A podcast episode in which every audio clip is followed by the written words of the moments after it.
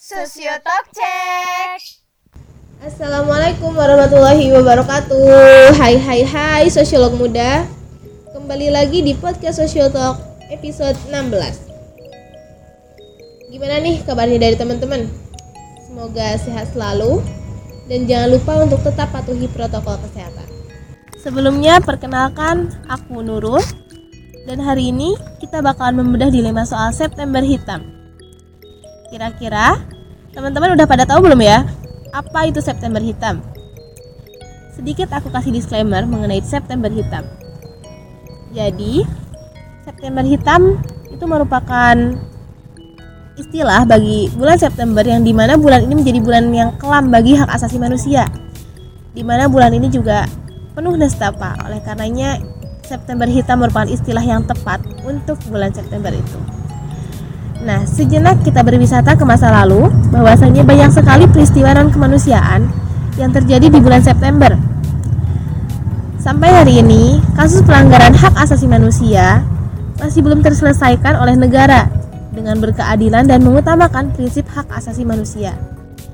Sekalipun sudah terdapat beberapa kasus yang mekanisme peradilannya sudah ada, seperti kasus pembunuhan Munir dan tragedi Tanjung Priok, tetapi penegakan hukum dan pengungkapan kebenaran masih jauh dari apa yang diharapkan. Nah, dengan tema tersebut, kali ini kita mengundang narasumber yang pastinya keren banget. Nah, aku sapa dulu ya. Halo Kak Fatan. Halo. Apa kabar nih Kak? Ya, eh, baik sehat alhamdulillah. Oke. Kesibukannya sekarang apa sih Kak?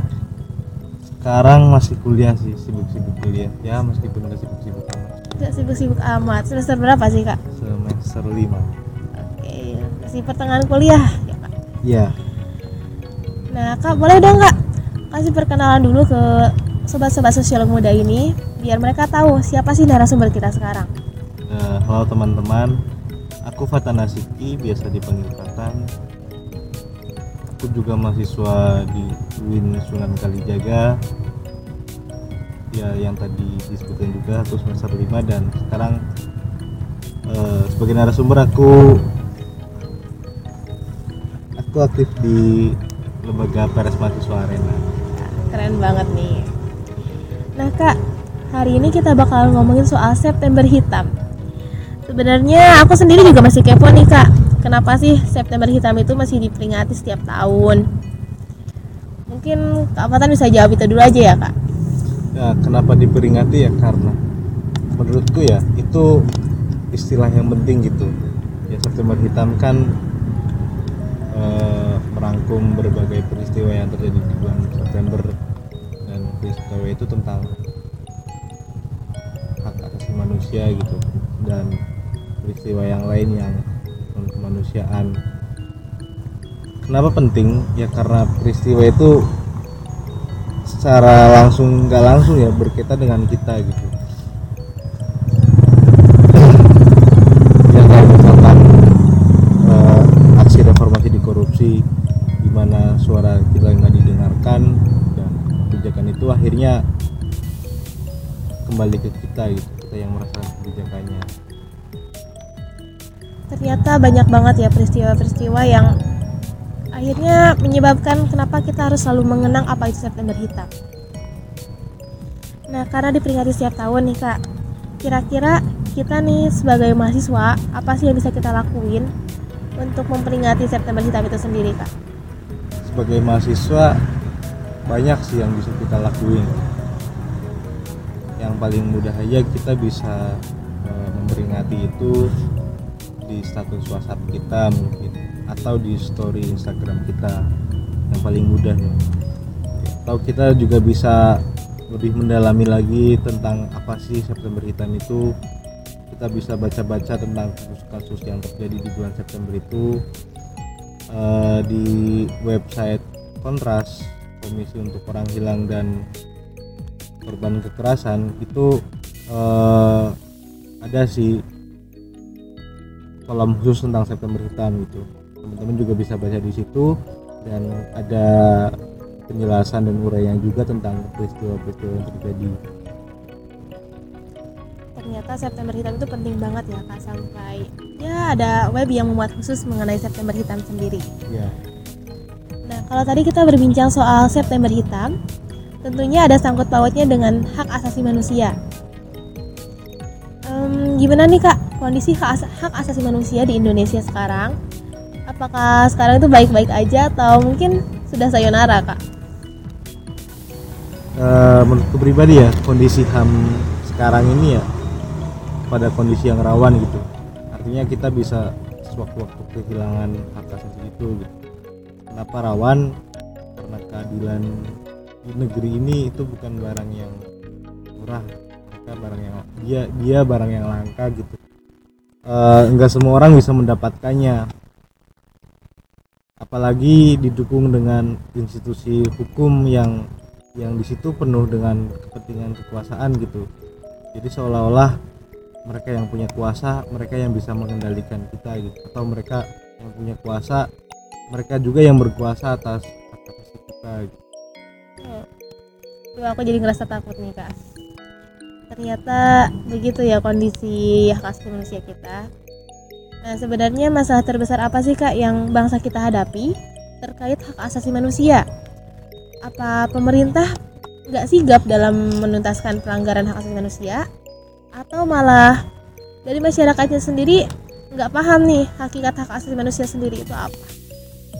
masalah terbesar ya kalau misalkan kita lihat dari dua sisi gitu ya dari pemerintah sendiri atau dari negara sendiri gitu Eh, mereka seolah-olah yang mementingkan hak asasi manusia gitu.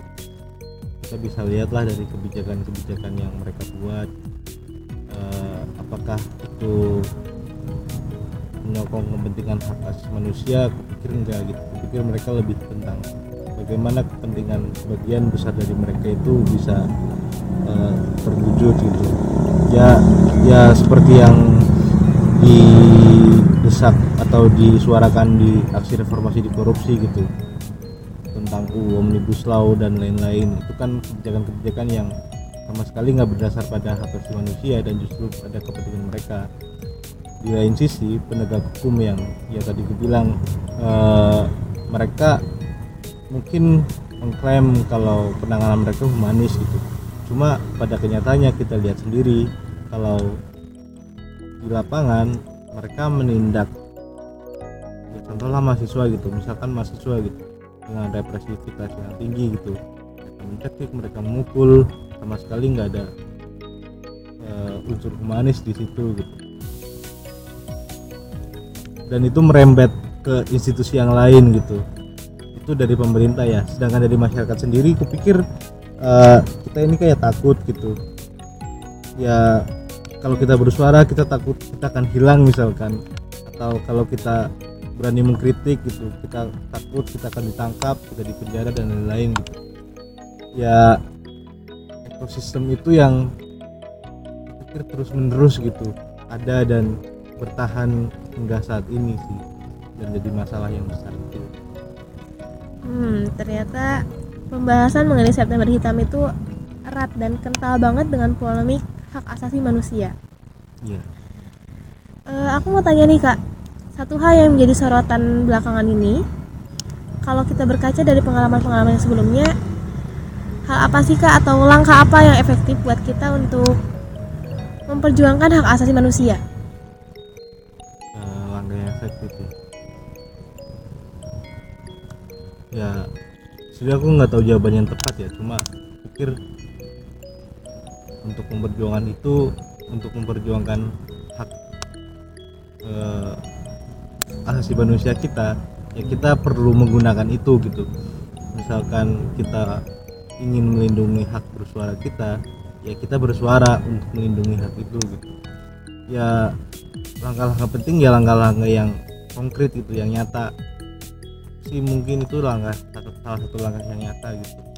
Walaupun ada hasilnya kita nggak tahu dan kita tahu sendiri kalau negara kita atau pemerintah kita itu gitu kita nggak mau dengar suara-suara kita.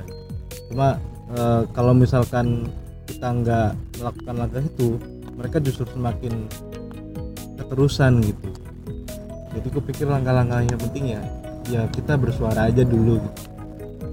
Yang Benar bisa kita sih, lakukan. Jadi dengan bersuara pun itu sebagai langkah ya untuk kita memperjuangkan hak asasi kita. iya dan bersuara pun eh, sebenarnya bisa banyak bisa lewat banyak media gitu ya salah satunya tadi aksi. Kita bisa bersuara langsung mungkin di depan gedung DPR atau kita bersuara lewat tulisan di media gitu. Atau eh, lewat visual. Ya platform sekarang banyak lah. Kita tinggal mengolah kreativitas kita sambil terus melindungi hak hak itu aja sih. Berarti ada banyak cara ya kak buat kita memperjuangkan hak asasi kita. ya Em, mungkin buat closing statement nih kak dari peristiwa polemik hak asasi manusia dan September Hitam ini apa aja sih kak yang bisa kita ambil pelajarannya? ya mungkin kalau aku boleh pinjem bahasa bahasa anak aktivis gitu. Pentingnya September Hitam ini ya untuk merawat ingatan merawat ingatan bahwa banyak nih pelanggaran-pelanggaran HAM yang terjadi di Indonesia. Dan itu berlangsung sangat lama tanpa penyelesaian yang baik.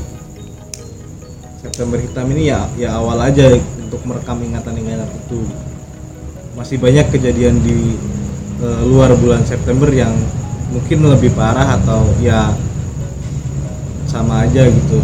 Dalam artian sama aja itu melanggar hak hak asasi manusia gitu. penting untuk merawat ingatan juga nantinya dengan merawat ingatan itu kita akan semakin sadar gitu bahwa ya institusi pemerintah atau institusi negara itu nggak selamanya mutlak benar gitu. Mereka harus diawasi dan bahkan harus dikritisi gitu. Karena ya yang dekat dengan kekuasaan itu bisa saja melenceng jauh gitu bahkan sampai e, merenggut hak hak hak kita gitu. Jadi ya tugas kita itu buat e, mengawasi dan mengkritisi mereka supaya hak hak kita juga terlindungi. Gitu sih. Keren banget nih kak. Em, kak, nggak kerasa banget nih kak kalau dari tadi kita udah ngobrol banyak dari awal sampai akhir dan gak kerasa kalau ternyata waktu itu udah habis. Aku pribadi mau ngucapin terima kasih banyak ke Kak Fatan. Oke, sama-sama yang di mana udah bersedia nih menjadi narasumber di podcast kali ini. Banyak banget yang bisa kita pelajari, yang pelajaran-pelajaran yang bisa kita ambil. Kalau boleh aku simpulin nih kak, September Hitam itu terjadi udah cukup lama, oleh karenanya kita setiap tahun itu memperingati.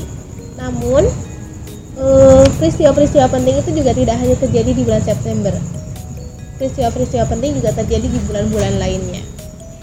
Dan untuk memperingati September Hitam, hal paling mudah yang bisa kita lakukan adalah dengan mengupload story. Itu merupakan hal yang paling mudah. Terus mengenai hak asasi manusia itu ternyata kondisi hak asasi manusia di lingkungan itu cukup rawan.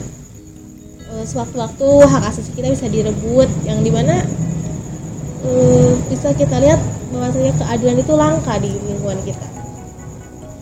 Dan pastinya diperlukan adanya kesadaran akan hak asasi manusia dari kita masing-masing.